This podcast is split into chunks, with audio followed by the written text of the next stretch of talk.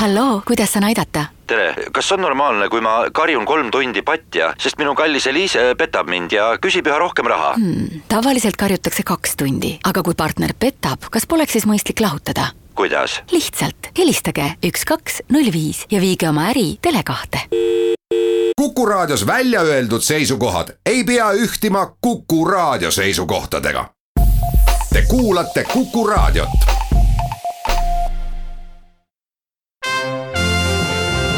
Tallinna Filharmoonia esitleb Filharmooniline huvitaja.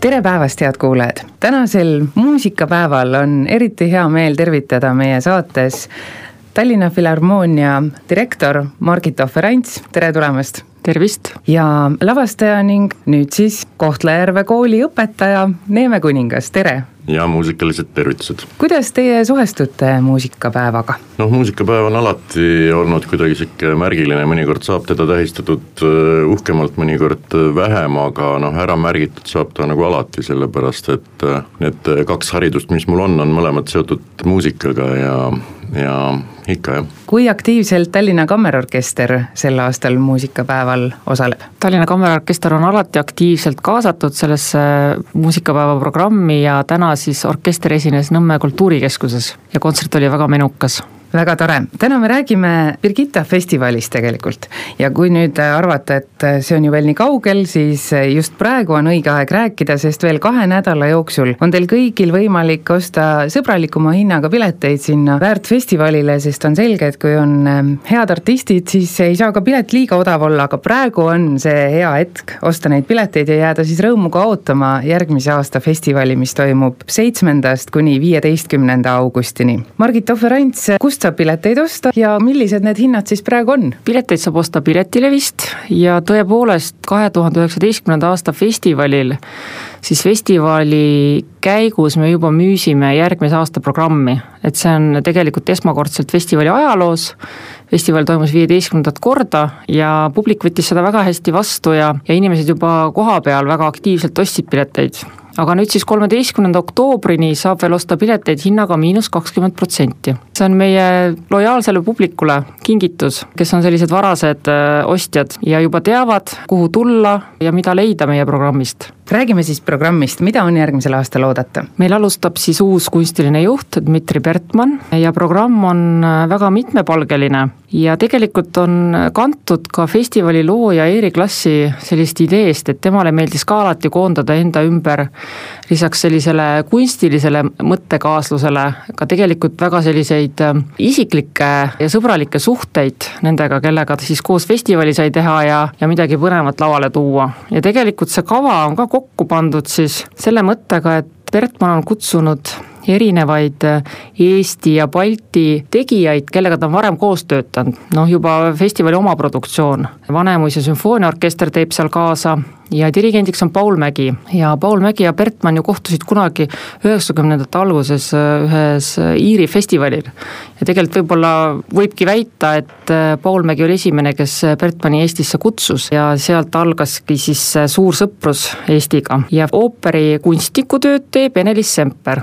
Ja tandem Ene-Liis Semper ja Dmitri Bertmann on ju toonud Rahvusooperis Estonia lavale väga menuka Tüüri Wallenbergi ja samuti on nad teinud väga palju koostööd ka Euroopas ja Venemaal. ja loomulikult oleme väga rõõmsad, et festivali lõpetab Tšaikovski ooper Jevgeni Onegin, mille lavastab siis Neeme kuningas ja Neeme kuningal ja Bertmannil on ju ka väga suured ja pikaaegsed suhted juba kooliajast. no mis mees ta siis on, Dmitri Bertmann? noh, öeldakse niimoodi, et äh, selline elav geenius nii kolleegide kui ka sõprade hulgas et noh, muidugi täiesti müstiline töö või võiks öelda tema elutöö on see teater, mis ta Moskvas lõi, siis Helikon ooper, olen ka seal ise lavastanud siis, kui veel see Vanamaja oli ja, ja tean kogu seda lugu juba sellest ajast peale, kui me veel tudengid olime. ehkki tudengitena me olime siis Moskvas Kitises koos ainult ühe aasta, tema esimesel kursusel ja mina viimasel kursusel. noh, hiljem jah, need kollegiaalsed suhted jätkusid ja meie siis jah, Paul Mägiga kutsusime teda Eestisse lavastama korduvalt. peale selle on ta siis ka veel ise nüüd um, muusikateatri kateedri juhataja. ja ta on, ta on Venemaa rahvakunstnik, tal on kõikvõimalikud tiitlid, mida on võimalik saada Venemaal, kõik ordenid ja siis on ta ka presidendi selle kultuurinõukogu äh, liige. teab ka kogu seda Venemaa nagu teatrielu ja ta on ka selle päris suur mõjutaja. nii et äh, üks võimas tegelane ja mul on nagu hea meel, et hetkel just, kui meie seda räägime, tema lavastab oma kümnendat Onegini lavastust Jaapanis. ja minul on see, mis siis Siberis sai tehtud, kolmas Onegin. mis te arvate, miks ta valis just teie Krasnojarskis välja tulnud Onegini Birgitta festivali kavasse? ma arvan, et siin on hästi mitu põhjust, et, et ühelt poolt see, et, et mitte ju ainult mina, vaid ka Andrei Šagars, kes oli meie, meie ühine hea sõber ja kolleeg, kes sel aastal kahjuks lahkus pärast pikka rasket haigust, tema mõned aastad enne seda, kui mina sinna läksin, lavastas seal Verdi Aida ja mina siis tegin poolteist aastat tagasi Uhi uue Onegini, kuigi Onegin oli seal mängukavas juba olemas, aga noh, ma võib-olla tundusin kõrgina, kuid ma, ka need volitused, mis mul tol hetkel olid, siis mõtlesin, et kuidas, et Venemaal ja Tšaikovski ja Puškini kodumaal te hoiate repertuaaris sellist lavastust, et see on nagu häbiasi ja noh, ta oli hästi nagu vanamoodne ja butafoorne ja, ja, ja mulle anti siis jah, luba nii-öelda teha siis nii-öelda see oma Onegin. ja te kutsusite kunstnikuks Ervin Õunapuu, kui mõelda, siis äh, suured äh, sellised tundedraamad võib-olla ei ole tema esimene leib, miks just tema?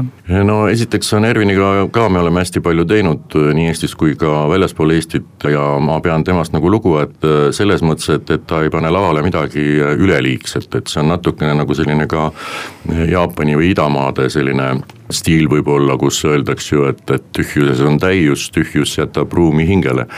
no millises ooperis siis veel, kui mitte Jevgeni Oneginis on seda hinge ja, ja seda vene hinge ja inimhinge lahatud muusikalises mõttes väga peenelt ja väga hästi. ja nii ongi meil suhteliselt lakooniline, ma ei ütle minimalistlik, lakooniline lavakujundus, kus ei ole mitte midagi üleliigset, aga iga detail, mis on siis hoolikalt valitud ja tööle pandud, mõjub sellise võimsa kujundina, kostüümid on teinud Anna Kontek, kes on siis äh, Soome Rahvusooperi peakunstnik ka, hästi palju oleme temaga koos teinud äh, koostööd ja, ja kostüümid on, on väga täpselt ajastus ja väga stiilsed ja, ja see värvidramaturgia noh, toetab igati seda muusikat või võiks öelda vastupidi selle et... lavastuse puhul on ka valguskunstnikul väga oluline roll. mis te arvate, kuidas see kõik seal Pirita kloostri varemetes tööle hakkab? ja ma arvan, et see ei ole üldse probleem, see ka see valguskunstnik oli ju ka Neeme Jõe Eestist, kelle ma kutsusin, kellega oleme palju teinud koos. ka selline peen valguskunstnik, kellega mul on selles mõttes nagu on olnud alati nagu hea töötada, juba nagu lausa loeb mu mõtteid, eks me teeme noh, need asjad ikkagi alati nagu koos, et, et valguskunstnik on siis nagu pigem see, kes viib nagu ellu, mida mida lavastaja ja, ja lavakunstnik ja kostüümikunstnik pakub. aga ei, ma arvan, et Birgitta lavale sobib see, see teos väga hästi ja seal on ka suurepärased lauljad, ma loodan, et me saame parima koosseisu, mida on võimalik siia tuua, mis ei koosne siis ainult äh, Siberi Krasnojarski solistidest, aga esietendusel näiteks laulis äh, Jevgeni Andušina, kes on noh, vene päritolu küll, aga, aga elab, töötab äh, Viinis. Ja, ja Lenskit laulis meil Leedu tenor Toomas paviljoonis. nii et loodame siia ka sellist nii-öelda sellist esinejate suhtes sellist Balti koloriiti võib-olla veel juurde saada Neeme kuningas, te olete Birgitta festivali sõber, võib öelda, te olete seal käinud küll ja küll. mis võiks olla selle festivali selline fenomen, miks ta on oluline? No ma ütleks isegi niimoodi, et, et ma olen ka üks, ähm, ma ei saa öelda initsiaatoritest, aga ma olin ka nende jutuajamiste juures äh, juba Estonias, kui veel Eeriga sai nagu räägitud, et et Estonial võiks olla üks selline väärikas suvefestival. ja mis siis ikka noh, parimat kohta mõelda, kui needsamad Birgitta müürid, aga tol ajal jäi see hästi palju, jäi see asi ilmselt raha taha, võib-olla ka linnavalitsuse suutmatuse, tahtmatuse taha, aga siis, kui Eeril oli rohkem nagu vabamat aega ja, ja tema oma autoriteediga ikkagi noh, surus selle, selle nagu läbi, sinna see festival tuleb ja, ja, ja siis oli ta noh, teise kaubamärgi alt küll, aga aga ikkagi äh, nii-öelda Eeri käekirjaga ja, ja see üks tema suur unistus oli ja, ja see, et, et ta on selline mitmekülgne, et ta ei ole ainult ooperifestival, vaid seal ka iga kord äh, tuleb mõni oma produktsioon ja, ja selliseid väärikaid huvitavaid külalisi kutsutakse ja, ja, ja tase läheb kogu aeg järjest kõrgemaks, paremaks ja nõudlikumaks, et ma arvan, et see on igati väärikas festival ja mul on erakordselt hea meel, et äh, Dmitri Bertmann nüüd hakkab selle selliseks vaimseks ja kunstiliseks arhitektiks. kui te kutsusite teda, kas ta juba teadis, millest on jutt? Kõik see töö, mis te siiamaani olete teinud selle festivaliga, oli ta kursis sellega? loomulikult, Helikon oopera on ju Eeri klassi ajal ju mitmeid kordi Birgittal esinenud, viimati oli see kaks tuhat neliteist, nii et Bertolil on teada see kontseptsioon, see festivali olemus ja, ja mida publik ootab. ja tuli ta rõõmuga, tal on kindlasti väga palju tööd, aega üle ei ole. tuli väga suure rõõmuga ja tal on tõesti väga suur Eesti armastus ja kindlasti väga suur lugupidamine ka Eeri klassi suhtes. kui vaadata seda järgmise aasta kava, Neeme kuningas, mida te ise ilmtingimata tahaksite näha, mis võiks olla see, mis on selline mõnus maiuspala? no minu maiuspala hakkab kahtlemata olema Tõde Angeelika ja noh, siin jällegi nagu Bertmanni, et miks selline valik, miks Puccini, noh kindlasti, aga õde Angeelika, eks ole, ka tegevus toimub kloostris ja on selline romantiline, kuid väga kirglik ja, ja väga sügav äh, teos. Ja noh, selles mõttes ka ju üks ainulaadsemaid oopereid, et seal on ainult kõik naisosatäitjad, seal ei ole ühtegi meeslauljat ja nüüd, kui seda kooslust vaadata, Bertmann, Semper, Mägi ja ka neid äh, osatäitjaid äh, ja ka seda, kuidas Bertmann läheneb ka klassikale mm,, ta nimetab seda ise fantastiliseks realismiks, kus mingisugused asjad, millega me oleme harjunud, saavad hoopis teise kuju ja teise võtme ja, ja tekitavad te, teistsuguseid tundeid ja aistinguid, nii et selle lavasse suhtes on mul kõige suuremad ootused. fantastiline realism on küll üks tore sõnapaar, tuju läheb heaks. nojah, sest et äh, tavaliselt äh, öeldakse alati niimoodi, et kui ooperit tehakse, kas te teete modernses või klassikalises võtmes, noh et, et kui klassikalises, et siis on see justkui museaalne, see on see justkui aja ära elanud ja et, et ei oska nagu teistmoodi teha. oskame küll, me oskame igat moodi teha, me võime tegevuse viia äh, mis tahes ajastusse või kas või inimese soolestikku, kui tahate, või marsile, aga noh, mis on selle kõige mõte, et, et meie kool ja meie vereringe on ikkagi äh, sellest läbi imbunud, me tahame mõista autorit, me tahame mõista seda teost ja seda, millest see jutustab ja kuidas ta puudutab just meie tänapäevast inimest. ja võib-olla sellest tulevad mõningad võtted, mis on tänapäevased. Ja, ja ta ei ole jah, realism ei saa ta juba ainuüksi olla sellepärast, et tegemist on ooperiga, kus inimesed ju laulavad ja see on selline tinglik äh, nagu multifilm või Nukuteater, aga ta on fantastiline jah, ta on realistlik, aga ta on fantastiline realism, mitte realistlik fantastika, vaid vastupidi. head kuulajad, sellest kõigest on teil võimalik siis osa saada järgmisel suvel Birgitta festivalil. Ja et saada toredama hinnaga pilet siis kuni kolmeteistkümnenda oktoobrini. otsige välja need kuupäevad ja lavastused, mis teile sobivad ja meeldivad ja olete kõik väga-väga oodatud. mida te soovite Margit Oferants ja Neeme kuningas algavaks kontserthooajaks ja, ja muusikapäeva puhul meile kõigile? meeldejäävaid elamusi jah, ma sooviks ka, et muusika saadaks inimest, muusika on selline emotsionaalne asi kui nii tohib öelda, mis teeb inimesi paremaks, ma olen selles täiesti veendunud, eriti aus muusika ja ausalt esitatud muusika. suur aitäh teile selle jutuajamise eest ja toredat päeva jätku! aitäh! aitäh!